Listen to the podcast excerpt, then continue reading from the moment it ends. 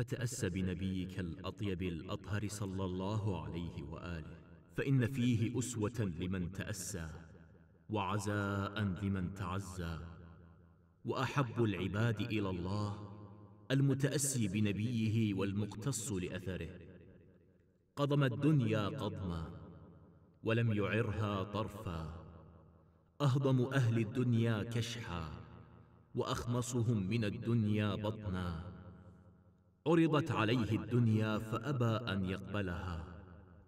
وعلم أن الله سبحانه أبغض شيئا فأبغضه. وحقر شيئا فحقره. وصغر شيئا فصغره. ولو لم يكن فينا إلا حبنا ما أبغض الله ورسوله. وتعظيمنا ما صغر الله ورسوله. لكفى به شقاقا لله. ومحادة عن أمر الله. ولقد كان صلى الله عليه وآله.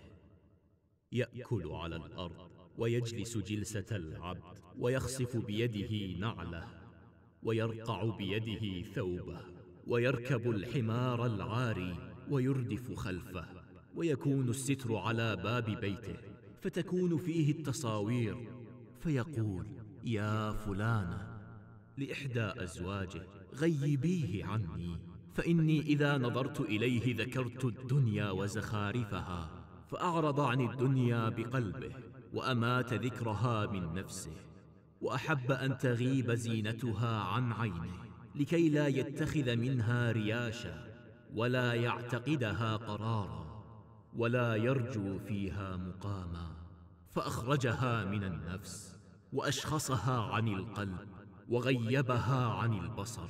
وكذلك من أبغض شيئا أبغض أن ينظر إليه وأن يذكر عنده.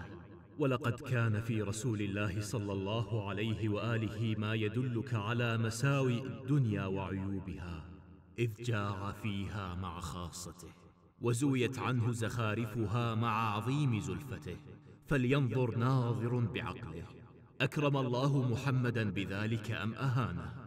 فإن قال أهانه فقد كذب والله العظيم بالإفك العظيم. وإن قال أكرمه فليعلم أن الله قد أهان غيره حيث بسط الدنيا له وزواها عن أقرب الناس منه. فتأسى متاس بنبيه واقتص أثره وولج مولجه وإلا فلا يأمن الهلكة.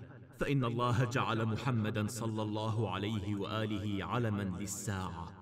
ومبشرا بالجنة ومنذرا بالعقوبة. خرج من الدنيا خميصا وورد الآخرة سليما. لم يضع حجرا على حجر حتى مضى لسبيله وأجاب داعي ربه. فما أعظم منة الله عندنا حين أنعم علينا به سلفا نتبعه وقائدا نطأ عقبه. والله لقد رقعت مدراتي هذه. حتى استحييت من راقعها ولقد قال لي قائل ألا تنبذها عنك؟ فقلت اغرب عني فعند الصباح يحمد القوم السرى.